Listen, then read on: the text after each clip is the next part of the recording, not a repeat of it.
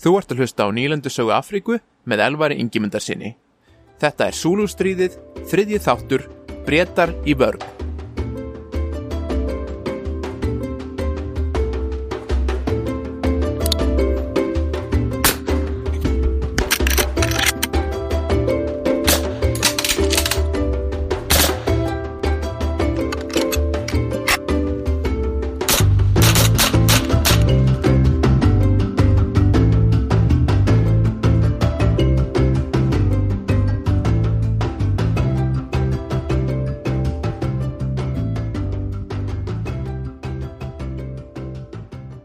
Síðasta þætti rættu við um innrás breyta í Súluland og ósögur breska hersins í orustunni við Ísland vana. Frettinnar af þessum ósögri, sem var sá vesti sem breski hérin hafði orðið fyrir í Suður Afríku, bárust fljótti Breitlands og allir mikillin hegslun meðan almennings og ríkistjóðnarinnar. Leitin að Blórabögli háfs fljótt og Bartól Freyr, landstjóri breyta í Suður Afríku, var fljótur að finna Blórabögla. Þessi gífurlegi ósugur gæti ekki verið vini hans Chelmsford að kenna. Í staðinn kendi hann Pulain og Durnford undiráfustum um ósugurinn, sem var hendut því að þeir gátt ekki varað sig hafandi fallið í orustunni um Ísland vana. Í ofinbjörnum skeitum sínum til ríkistjóðnarinnar kendi Bartolf Lear, Pulain og Durnford um að hafa óhlýðnast fyrirskipunum Chelmsford um að viðgerða herbuðunar við Ísland vana. Það var vissulega satt að Chelmsford hafi gefið út almenna fyrirskipun við upphafstríðsins um að allar byrðastöðvar og tjálpúðir breska hersins skildu víkirtar. Fert á sínar eigin almennu tilskipanir hafði Chelmsford síðan neitað beðni undirfóningja sinna um að víkira tjálpúðunar við Ísland vana. Það var vegna þess að jörðin í kringum Ísland vana voru of gríkt til að grafa skotgrafir og hann vildi hafa alla hestvagna reyðubúna til að flytja byrðir millir Rokkstrift og Ísland vana og lefði mönnum sínu því ekki að byggja vagnavirki yfir nóttina eins og búar hefðu alltaf gert í sínum Afrikuhernaði. Þetta gerði Tjensford vegna þess að hann átti ekki vona því að rekast á Súluherrin svona vestarlega, það sem hann hafi vannmetið, sóknargetu og hreyfanleika Súluhersins. Bartur Flair sagaði Pulain og Durnford líka um að hafa ekki nóg megin skilning á hernaðalistinni til að berjast almennilega við súlumenn. Önnur fölsk ásökun. Þar sem það hafði verið Chelmsford sem fekk þá góðu hugmynd að skipta liðið sinni í tvent fyrir framann óvinnin og gaf þannig súlumönnum færa á því að gjör sigur að helmingin af hernum án þess að þurfa að hafa ágjur af því að hinlunir af hernum myndi skipta sér af. Þessar fölsku ásakanir frá Bartól Freyr vöktu mikla reyði hjá Edvard Dörford undirofusta bróður Anthony Durford undiráfusta sem hafði fallið við Ísland vana og átti nú að vera blóraböggull fyrir ósigurinn.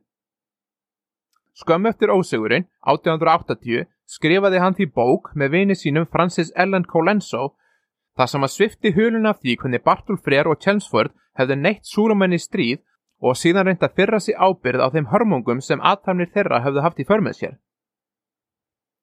Það er gaman að geta þess að Francis Ellen Colenso var eina fyrstu konunum til að skrifa sögu breska heimsveldisins í Afríku og þar sem hún bjó stóran hlut æfisinnar í Natal nýlendunni, þar sem fadir hennar var biskup ennsku biskupakirkjuminar í nýlendunni, hafði hún meiri skilning á viðhorfi Afrikumanna til breska heimsveldisins en margir samtímamenn hennar, sem að einhverja leiti útskýrir hvers vegna bækur hennar voru svo óvinnsalar í Breitlandi á þessum árum. Þar sem fáir hafðu áhuga á því að lesa um hvað Afrikumannum fannst um yfirgang breska heimsveldisins. Þegar Chelmsford frétti að því að tjálbúðunar við Ísland vana að veru fallnar og að breska hernum þar hefði verið útrýmt, marseraði hann til Lonsdales og þriðju frumbyggjahersveitarinnar og samunnaðir í eina fylkingu ákvaði þeir að reyna að brjótast í gegnum výlinur súlumanna og ná til rokkstrift við landamæri Natal og Súlulands. Þegar bresku herrmennir komið að tjálbúðunum kvöldi 22. januar 1879 sáu þeir að Súluhörin hafði hörfað Margir fóringjar í meginfylkingunni óttuðust nú að Súluherin hefði haldið norður til að ráðast á norðurfylkinguna undir stjórn Woods áfyrsta. Sendibor voru því sendir til að vara söður og norðurfylkingunar við því um að miðjufylkingin hefði beðið ósugur og að Súluherin gæti verið á leið til þeirra. Sendibóðnir letu fóringja norður og söðurfylkingarinnar líka vita því að megin fylkingin myndi nú hörfa frá Súlulandi og halda tilbaka til Natal. Þegar Afrikumennir í frumbyggjahersvetinni sáu rústunar að tjaldbúðunum og lík bresku hermannarna kom mikil skelvinga á þá og baráttu andi þeirra hrundi. Henry Harford og fóringjarnir hafðu skipað Afrikumörðunum sem hafðu rifla um að fara fremst og vera tilbúinir að búa til skotlínu ef Súlumenn réðust á þá. Afrikumennir hafðu eins og að lítinn áhuga á því núna að hlýða skipunum breyta og erfitt var að halda riffilskitunum kerrum fremst í línunni. Það sem það var á dimt til að halda áframdu rorstrift ákvað meginfylkingin að eigða nóttinni í rústunum að tjaldbúðunum og halda síðan til rorstrift morgunin 23. januar. Þegar afrísku herrmennir settust niður til að kvíla sig, spurði þeir Harford ef hann heldi að súlumenn myndu gera árás á þá um nóttina. Hann saði þeim að það væri afar óleiklegt að súlumenn myndi gera árás um nóttina, því það væri síður þeirra að gera ávalt árásir við byrtingu. Um nóttina, þegar hann hafði komið mennu sínu fyrir á hæð fyrir utan tjaldbúðunar, helt Henry Harford inn í tjaldbúðunar til að atua hvort eitthvað væri eftir af eigum hans sem hann hafði skilið eftir. Þegar Henry snýrið tilbaka með báðar hendur tómar, þar sem súlumenn hefðu tekið með sér báðar veiðihaglabissur hans og öll fötnin sem hann hafði skilið eftir, sá hann að 800 manna herfylgið hafði stungið af meðan hann var í burtu, eins og það hefði gert nóttina áður. Henry fór því á baki smáestu sínum og reyða á eftir mönnum sínum til að reyka þá aftur upp á hæðina. Hann náða smala saman meirur af mönnunum og þegar Chenswood herstöðingi kom ríðandi stuttur setna var hann látið vita af því að herfylgið hefði stungið af aftur. Chelmsford skipaði þá tveimur mönnum úr 2004. fókungulishersvetinni að standa vörð fyrir neðan hæðina með byssustingi og skipaði þeim að reka í gegn hvert þann mann sem reyndi að flýja. Eftir það helst frumbyggjahersvetin á hæðinni. Súlumenn höfðu tekið með sér allt herrkjöksið úr byrðavögnunum og eðalagt allan dóðsamatinn áður en þeir hörfuðu og meginfylkingin var því orðin nánast matarlaus. Af undirfylgjónum fjórum í þriðja frumbyggjarsveitinni sem hefði verið skilin eftir til að verja tjálbúðunar fundu þeir korki tangur nýtt tetur. Afrikumenninir og þessum undirfylgjum sem hefðu lifað af hefðu haldið heim á leið og sáist ekki aftur, en hvítu fóringjarnir og undirfóringjarnir hefðu haldið til rockstrift. Þar á meðal eitt fóringis sem hefði tekið hest herfórið tröstatæki og riðið á honum út úr herbúðunum. Súlumenn höfðu ekki tekið neina fanga eftir orustuna og særðir menn og þeir sem höfðu gefist upp voru teknir að lífi. Á göngu sinni um vývöldin fann Henry Harford lík gamals vinarsins sem hefði verið skurlagnir í 1909. hersvettinni meðan Harford hefði verið lautinnan þar. Skurlagnirinn, Shepard Major, yfir herrlagnir meginfylkingarinnar, lá á jörðinni fyrir utan sjúkratjöldin með stungusár í gegnum hálsin. Um nóttina sáu menninir í meginfylkingunni ljósblossa og eldsklæður frá Rorks drift, sem var einungi 6,5 km frá tjaldbúðanum í Ísland vana í loftlínu, þó svo að vegurinn millir búðana væri um 19 km. Þegar meginfylkingin lagði á stað morgunin 23. januar, sáu þeir súlumenn á hæðunum í kringu tjaldbúðunar, en engar súluhersveitir voru í árásastöðu og fylkingin þrammaði því burtu án þess að berjast. Þegar meginfylkingin nálgæðist byrðastöðuna yfir Rockstrift sáu þeir stóran reykjastrók rýsa upp frá húsunum í byrðastöðinni. Og herrmennir óttuðust nú að þeir myndi ekki finna neitt annað í byrðastöðinni en lík fjölaga sinna. Föru nú aðeins aftur í tíman, tvo daga til morgunsins 21. januar. Þann morgun var Henry Spalding major yfirfóringi byrðastöðarnar við Rockstrift. Með honum var undirfylki úr 2004. hersveitinni, nokkri menn úr þriðju frumbyggi hersveitinni og hópur af verkfræðingum úr konunglegu verkfræðinga hersveitinni. Vinnuflokkurinn úr konunglegu verkfræðinga hersveitinni var undir stjórn Johns Chart, lautinans, sem hefði útskrifast úr konunglega herskólanum í Woolwich árið 1868. Eftir útskriftina hafði hann þjónað í breska hernum við lítinn orðstýr og eitt mest af tíma sínum í að byggja virki á Möldu og Bermuda áður en hann var sendur til Suður Afríku. Yfirmenn hans höfðu lítið álita á honum og einn af þeim lísti honum sem gagslausum fóringja og stutt skeggjuðum og auðlarlegum í útliti. Vinnuflokkurinn úr verkfræðingahessvitinni var í rockstrip til að viðhalda flótbrúni yfir Buffalo Anna sem markaði landamæri Natal og Zululand. Undirfylgið úr 2004. hessvitinni var undir stjórn Gunville Bromhead lautinans. Afi hans hafi verið undirhessöðingi í breska hernum í frelsistriði bandaríkjana og fadir hans hafi verið fóringi í breska hernum í orustunni við Waterloo 1815. Hann átti þrjá eldri bræður sem allir voru fóringjar í hernum. Bromhead var vinsæl meðal undirfóringja og hermanana og kallaður Gunny af vinnu sínum. Hann boksaði reglulega í boksklúpi hersvitarinnar og var góður krikketspilari. Hann þjáðist hins vegar af hernaleysi sem var sífælt verra með áránum. Og þrátt fyrir að vera nokkuð vinsæl hafði yfirmenn hans frekar litla trú á honum.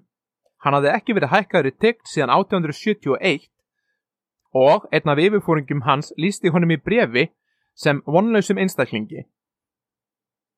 Um kvöldi 21. januar kom skipun frá meginfylkingunni um að vinnuflokkurinn úr konunglega verkfræðingahessveitinni ætti að fara frá Roksdrift og haldað til Ísland vana.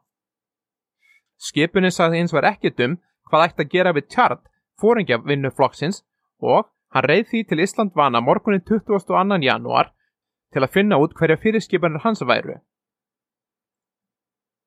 Þegar hann kom í tjálbúðunar frétti hann að því að Chensford Hessingi hefði haldið úr tjálbúðunu snemma um morgunin með helmingin af hernum og yfirmenn hans útskýrið fyrir honum að hann ætti að vera einn eftir við Rorstrift til að hafa yfir umsjón með viðhaldi á flótbrúnum og veginum frá Rossdrift til Ísland vana.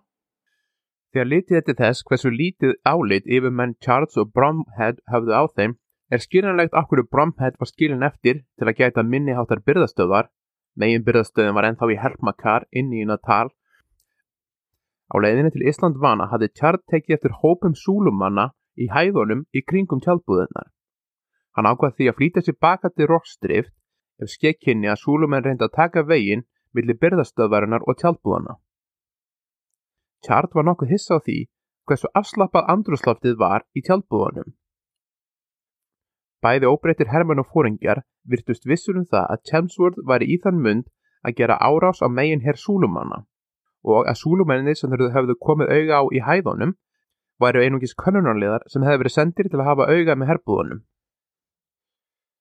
Þegar Henry kom aftur til Rockstrift og let Henry Spalding Major vita af súlumennunum sem hafði séð, ákvað Spalding að ríða til Helmakar sem var 16 km í burtu. Spalding Major vissi að Reinfold höfusmaður hafði verið sendur frá Natal til að styrkja virki fyrir Rockstrift en var enn ekki komin.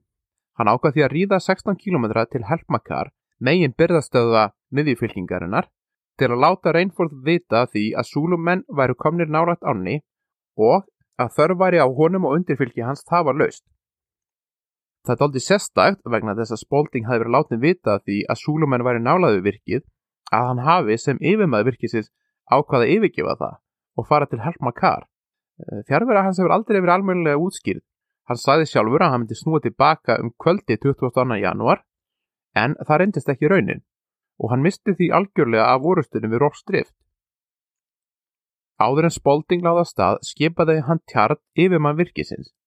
Vegna þess að Tjart hafi verið lautran tveimur árum lengur en Bromhead þrátt fyrir að vera tveimur árum yngri. Spalding reyði út á virkinu klukkan 2 eftir hátegi og Tjart fór niður á flótbrúnum til að hafa umsjó með byrðarflutningum yfir ána. Klukkan kortir yfir þrjú eftir hátegi komu tveir menn ríðandi af flótbrúnum. Það voru Atendorf lautinant úr þriðju frumbyggihersveitinni og sjálfbúðarliði úr Natal heimavarnaliðinu. Þeir sögðu tjart að tjálbúðunar við Ísland vana væri fallnar og að bresku hersveitunum þar hefði verið útrýmt.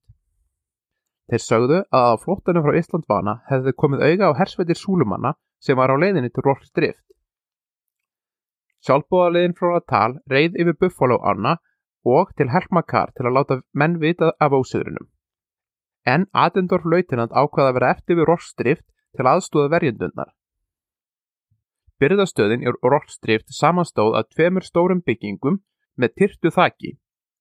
Vestari byggingin var nótuð sem herspítali og austari byggingin var nótuð sem byrðagemsla fyrir meginfylkinguna. Rétt austan við byrðastöðuna stóðu nokkri steinkofar og rétt austan við hana var girðing fyrir búfjörnað. Fyrir norðan byrðastöðuna var vegurinn að flótbrúnum og afgirtur garður sem tilherði trúbúðanum í trúbúðastöðinni. Þegar Tjarr kom aftur frá flótbrúnum yfir Buffalo ána komst hann að því að Bromhead hafi fengið skipunni frá meginfylkingunni. Skipunin var á þá leið að setjulegði í rorstrift ætti að viðgjörða byrðastöðuna og verjast. Bromhead og herra Dalton og byrðasveit hersins skipuðu mannu sínum að gera guð á veggi spítalans og byrðagemslunar og skipuðu þeim að byggja vegg millir spítalans og byrðagemslunar. Veggur þessi var samsettur úr stregapókum sem voru notaðir til að geima mægismjöl sem breski herin hafi keift í stórum stíl í Suður Afríku. Þessi sekki voru stórir og þungir og yfirleitt þurfti tvo menn til að bera hvert sekk. Öllum vögnum í virkinu var snúð á hliðina og notaðir í veggin. Veggurinn var cirka 120 cm hár og lág í beitni línu millir söður veggjar, spítalans og byrðagemslunar. Frá norð-vesturlið spítalans lág hann í boga yfir að norð-austur hluta byrðagemslunar. Þegar þeir herðu af ósýrunum við Ísland vana, íhuguðu Tjart og Bromvill að yfirgefa byrðastöðuna og reyna að komast til Helmakar þar sem þeir vissu að breskar hersveitur voru staðsettar. Dalton byrðastóri réð gegn þessu ráðabryggi. Dalton hafi lengi verið í breska hernum í Suður Afríku og hafi barist í hersveitum höfðanílöndunar gegn sósaættbólkonum í sósastríðunum. Hann saði Tjart og Bromhead að súlumennir myndu fara mun hraðar yfir en bresku herrmennir og að bresku herrmendu myndu vera gjössanlega berskjaldar fyrir ára súlumanna ef þeir næðu þeim á ferðalæginu frá Rossdrift til Helpmakar. Það var nokkuð ljóst að Dalton byrðastjóri hafði mun meiri reynslu af Afrikuhernaði heldur en Chelmsford hersöðingi og hafði lært að reynslu búana í Afrikuhernaði. Að hans ráði var ákvörunin tekin um að verja Rossdrifti síðasta manns. Tjart hafði ágjur af því að hann hefði ekki nógu mikið af mönnum til að verja allt virki til lengri tíma. Hann skipaði því mönnum að byggja vegg úr keksbóksum sem voru trébóks sem voru notið til að geima herrkeks Þessi veggur lá í beina línu millir söður og norður hluta strygapokaveggjarins og skipti verkinu í tvent. Áallum Charles var að ef spítalið myndi falla getur allir hörfa til byrðagemslunar og ef byrðagemslunar felli getur allir hörfa til spítalans. Meðan herrmenni voru í óðaðan við að byggja strygapokaveggin og herrkjagskassaveggin komur leifarnar af Natal frumbyggjarittaraliðinu ríðandi frá Ísland vana. Tjarn bað þá um að ríða nokkuð spöl frá virkinu og hafa auga með reymingum súlumanna. Ef þeir kemur auga á súlumenn, ættu þeir að hefja skotirrið á þá og síðan hörfa aftur til Ross drift. Nú, með hundra manna rittarlið, hundra menn úr þriðju frumbyggjahersveitinni og heilt undirfylgi úr 2004. fólkunglishersveitinni, síndi staðan ekki svo slæm. En kortir yfir fjögur herðist mikil skotrið frá stöðu frumbyggjarittarliðsins og einna fóringum þess kom ríðandi. Hann saði tjart að menn hans varu gjössalega uppgefnir eftir að hafa barist allan daginn og að flestir þeirra hefðu hörfað yfir Anna og var á leiðinni til Help Makar. Þegar menninir úr þriðju frumbyggjarsvitinni sáu mennina úr frumbyggja rittarliðinu ríðaði burtu kom mikil skjelvinga á þá og flesti þeirra stukku við veggin og hlupuða Anni til að reyna að komast yfir hana áður en Súlumann kæmu. Allt sem Tjart hafði eftir til að verja virkið Rostrift var undirfylgið úr 2004. hersvetinni, nokkri fóringjar og undirfóringjar úr 3. frumbyggja hersvetinni og nokkri lauruglumenn úr rittara laurugluna tal. Auk þess smalaði Tjart saman særðumönnum af herspitalarnum og hafði því 150 menn undir vopnum. Súlúherrin, sem var á leiðinni til Rostrift, samanstóð af fjórum hersveitum sem hefði verið notað sem varalið við Ísland vana og því ekki tekið þátt í orustunni sjálfri. Þrjár þessara hersvita voru samsettar af eldri mönnum, giftum með eigin fjölskyldur sem hefði verið kallaðir í herin að skipun konungsins og ein hersvit samanstóð af yngri mönnum sem enn voru að gegna herskildu sinni. Samtals voru þetta um fjögur þúsund menn. Upphællegi fóringi sveitarinnar hafi særst við Ísland vana þegar hann tók þátt í eftirförunni eftir orustuna og nýrfóringi hafði verið skipaður Dabula Mansi Kamapandi, hálfbróður Sedis Vejo. Eins og allar Zulu-hersveitir voru þeir vopnaðið spjótum og skjöldum og sumir þeirra hafðu komið eigin vopna heimann, aðalega framhlanninga. En nokkur þeirra hafðu einnig náði í nýja Martíni Henry-rifla eftir orustuna við Ísland vana. Dabula Mansi hafði fengið fyrirskipunar frá Sedis Vejo um að gera ekki árásun á tal, en hann held að hann geti fyllt eftir sigurunum við Ísland vana með því að ráðast á þessa afskektu byrðastöð. Hann gerði ráð fyrir því að flesti verðinni myndu reyna að flýja og reknaði með því að það að eðarleika síðustu byrðastöð meginfylkingarinnar myndi gera breytum erfitt fyrir að heia stríð áfram í Súlulandi. Súlumennir komu auga á rockstrift um hálf fimm eftir hádegi.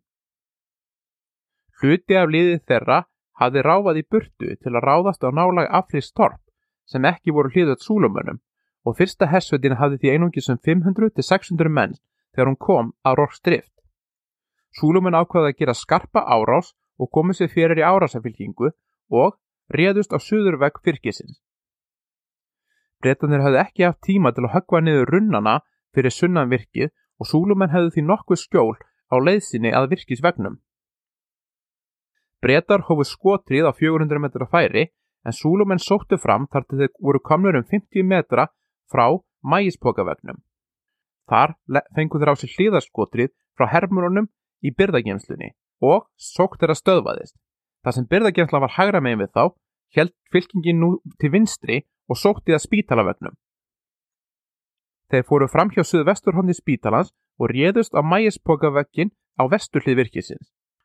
Þar höfðu breytar fest byssustingi á rifla sína og blóðut návi í hófsnú. Sjís Korporal úr þriðju frumbyggjahersvitinni var þar í fremstu výlinu og rak hvert súlumannin á eftir annan í gegn með byssusting sínum.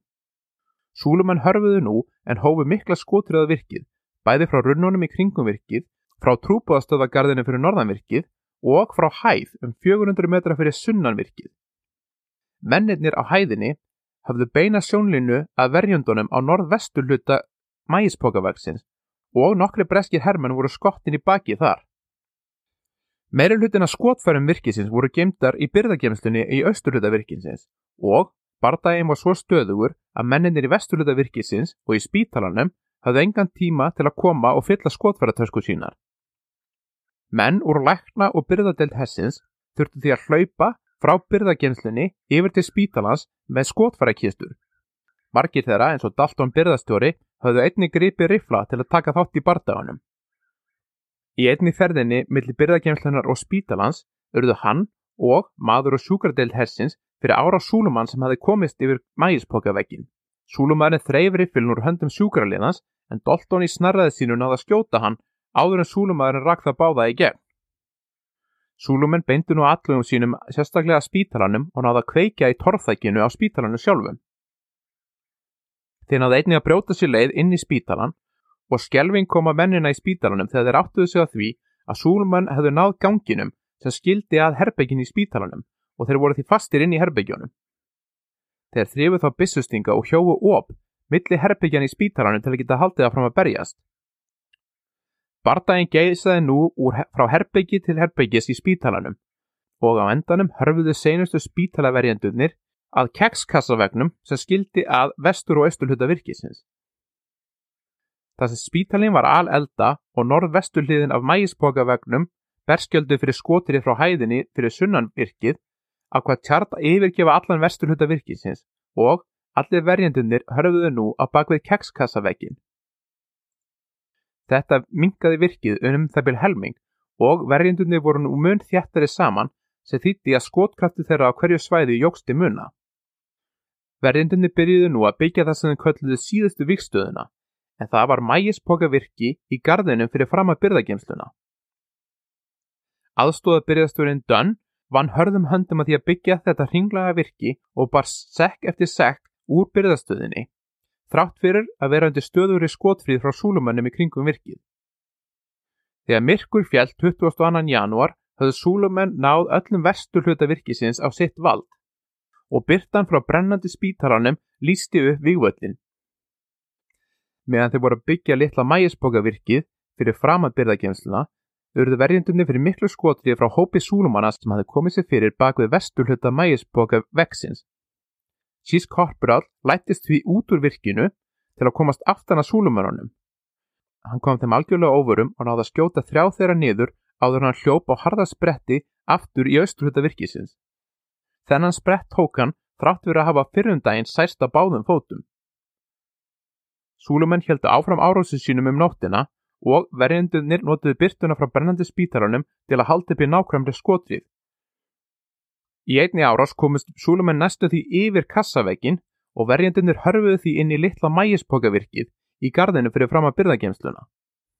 Úr virkinu heldur verjendunir upp í stöðuri skotrið af Súlumennuna og hrindu hverri árásinu og eftir annari.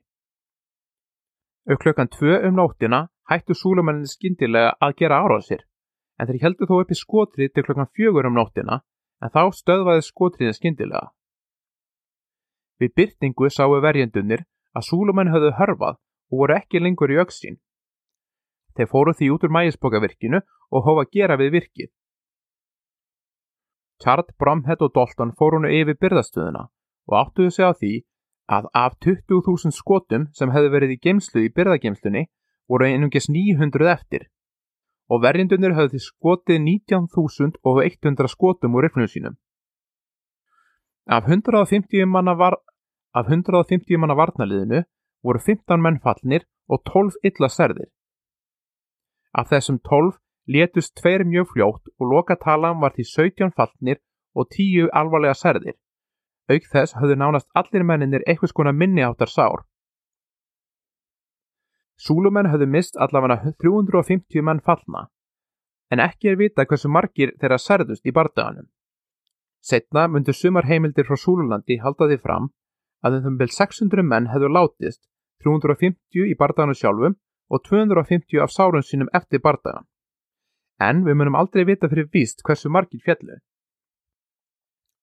Klukkan sjö um morgunin komu verjendunir auga á stóra hersveit Súlumanna á hæð fyrir suðvestan virkið, en súlumennir heldust kyrru fyrir og komu ekki nær virkinu. Charles Leutenant sendi nú skilabóða til Helmakar til að spyrjast fyrir um það á hverju liðsöki hefði enn ekki borist, trátt fyrir að Spalding hefði sagst alltaf koma um kvöldið. Klukkutíma setna, klukkan 8 um morgunin, komu verjendunir auga á stóra fylkingu breskra hermana nálgast frá Ísland vana. Og þegar þeir komu auga á bresku fylkinguna, hörfaði súluhersveitin á hæðinni. Þessi fylking var leifarnar af meginfylkingun Chelmsfords. Meðal þeirra var Henry Harford sem sagði að þegar þeir komið í auksinn virkisins hafið bresku hermennið séð mann klefra upp á þakk byrðagemslunar og veifa fána. Þegar þeir sáu þetta og vissu að félagar þeirra heldu enn rockstrift herðust háhúraráp frá öllum mannum í meginfylkingunni sem hefðu óttast það að rockstrift hefðu hlotið sömu örlög á Ísland vana. Henry og menninir í meginfylkingunni hefðu ekki fengið neitt að borða í tvo daga og voru gladir þegar þau komist að því að nóg væri af herrkjöksi í Rockstrift. Dalton byrðastjóri og Dunn Vara byrðastjóri hófu nú tafalust að afhenda hermurunum í meginfylkingunni matvæli. Þráttur að vera nýkomnir úr 12 klukkutíma bardaga og vera báðir særðir. Það er áhugavert að bera saman nýðustöðuna úr þessum orustum Ísland vana og Rockstrift sem voru háðara með nokkra klukkustíma millibili en hafðu svo ólíkar útkomur. Í báðum tilveikum voru breytar gjössanlega ofurliðin borðnir en, þrátt fyrir það, lauk annari orustunni með algjörum ósýri breyta og hinni með glæstum varnarsýri. Chard og Bromhead voru kannski ekki neynir hernaðslingar en þau voru skinsamir. Þeir háðu orustuna á, á þann hátt að þeir gáttu nýtt styrkleika sína en óvinnurinn gæti ekki nýtt sína styrkleika. Megin styrkleiki súlumanna var hversu vel þeir þekktu landið og hversu hratt fókunguli þeirra gæti farið yfir. Megin styrkleiki breyta var að þeir höfðu meiri skotkraft. Með því að verja vikitrastöðu hafðu Tjart og Bromhead geta nýtt sér skotkraft breyta án þess að hafa áhugir af því að súlumann getur komist aftan að þeim eða gert árásur á hliðað þeirra. Þetta var sama hernaðatækni og búar höfðu notað í bardaðanum við blóða þegar þeir höfðu myndað vagnavirki til að verjast ára súlumanna. Dalton byrðastjóri, sem hafði lengi barist í Suður Afríku, tekti vel hernaðatakni búa og ráðlaði Tjart og Bromhead að nota hana. Trátt fyrir að Chelmsford og Bartol Freyr heldu því fram í áróðri sínum að Zulu-herrin væri hættuleg drafsvél sem ógnaði lífi allra landnema í Suður Afríku, virðast þeir persónlega ekki hafa haft mikið álit á Zulu-hernum og hafa gett ráð fyrir því að hann myndi ekki þóla neina skotrið frá breska hernum. Það að vannmæta anstæðingin gerði Zulu-mörnum kleift að beita styrklegum sínum í orðstunum í Ísland vana og bera breska herin ofurliði. Vitandi það að Zulumenn hefði mun stærri her en hann hefði Chelmsford tekið það ákvörðin að skipta liðið sinni í tvent. Hann gerði það menn að hann hafði enga trúa því að Súlumenn gætu barið svona langt frá Úlundi sem voru enn einn mistökin sem hann gerði. Hann hefði betur hlustað á leksíur Napoleons sem eitt sinn sagði Marseri sundraðir, berjið saminnaðir. Það var nú 23. januar 1879 og í höfustöðun söðufylkingarinnar í Esjóve fekk Pérsson offust í fréttir af ósýrunum við Ísland vana. Hann íhugaði að hörfa aftur til Natal en þar sem hann vissi af nokkrum súluhersutum í nákvæmunu ákvað hann að vikirða trúbástöðuna í Esjófi. Suðurfylkingin bjóð því til vagnavirki eða lager í kringum byggingar trúbástöðvarinnar sem voru notaðar sem byrðakemslur. Í þessu virki húkti Suðurfylkingin þanga til í mars umkring súluhersutum sem kom í vekk fyrir undanhald en gerðu þó aldrei árás á virki sjálf. Þegar Wood offusti yfir maður norðurfylkingarinnar fekk fréttir af Ísland vana, ákvað hann að fara í vörð og beina aðteklið sinni að því að venda kvíta landnema í úttrekt og transval. Hersveitir hans, sérstaklega rittaraliðið, tókust reglulega á við körnuralið súlumanna og kom í vekk fyrir það að súlumenn gerði árásir á landnemabauðunar. Þó að enginn vissi það nú var það norðurfylking Wood sem átti eftir að heia næstu stóru orustuðuna við súlumenn í lok mars en við tölum nánar en um það í næsta þætti. Hinn Sigur Sæli Súluher marseraði frá Ísland vana til Úlundi þar sem konungur þeirra tóka mótið þeim. Stór hluti hersins hjælt nú heim til að jafna sig eftir herþeðina og í staðin fyrir að herja frekar á breyta fóru Súlumenn einni í vörð. Settist vei á hafði engan áhuga á landvinningum fyrir utan konusríki Súlumanna. Í stað þess sendi hann skilabóð til breyta um að hann vildi semja frið en komst fljótt að því að breytar höfðu engan áhuga á friðaviðræðum eftir ósögunum í Ísland vana og lagðu nú alla áherslu á það að hefna ósögurins. Nú þegar meginfylkingin var komin til Rockstrift há Chelmsford að endur skipulegja liðsitt. Vegna þess að þriðja frumbyggjahersveitin hafði hörfað bæði frá Ísland vana og Rockstrift skipaði Chelmsford fóringum hennar að leysa hana upp og senda afrisku hermurina heim. Lonsdale kommandant var sendur í leifi til höfðanýlendunar og Henry Harford var settur yfir kvítu fóringjana og undirfóringjana úr hessvitinni.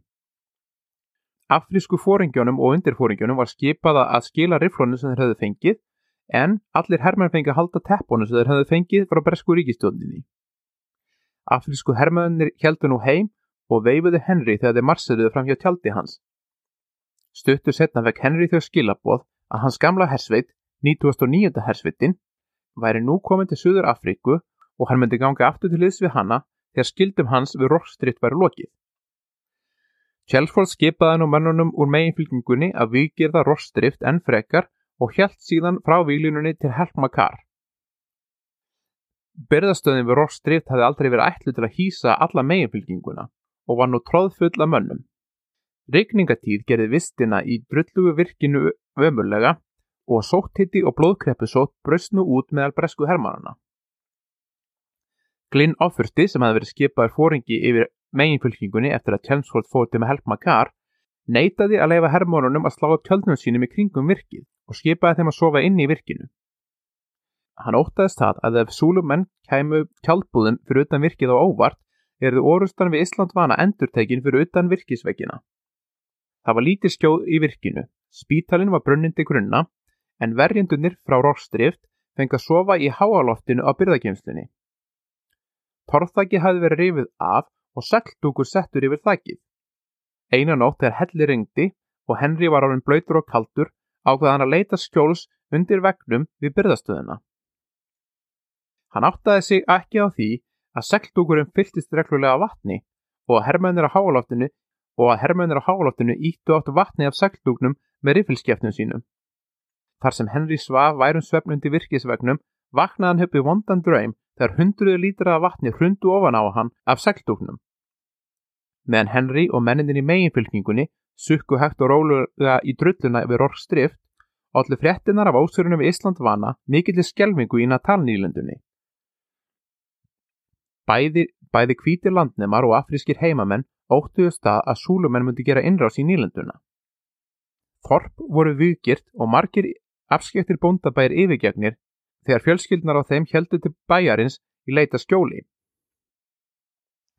Frettinnar af ósörunum Ísland vana bárust fyrst til London 11. februar og allir mikill óanægi bæði meðal almennings og ríkistjórnarinnar. Íhalsflokkurinn sem þá var við stjórn bar af sér allar sakir og saðist aldrei hafa vilja stríð við súlumenn.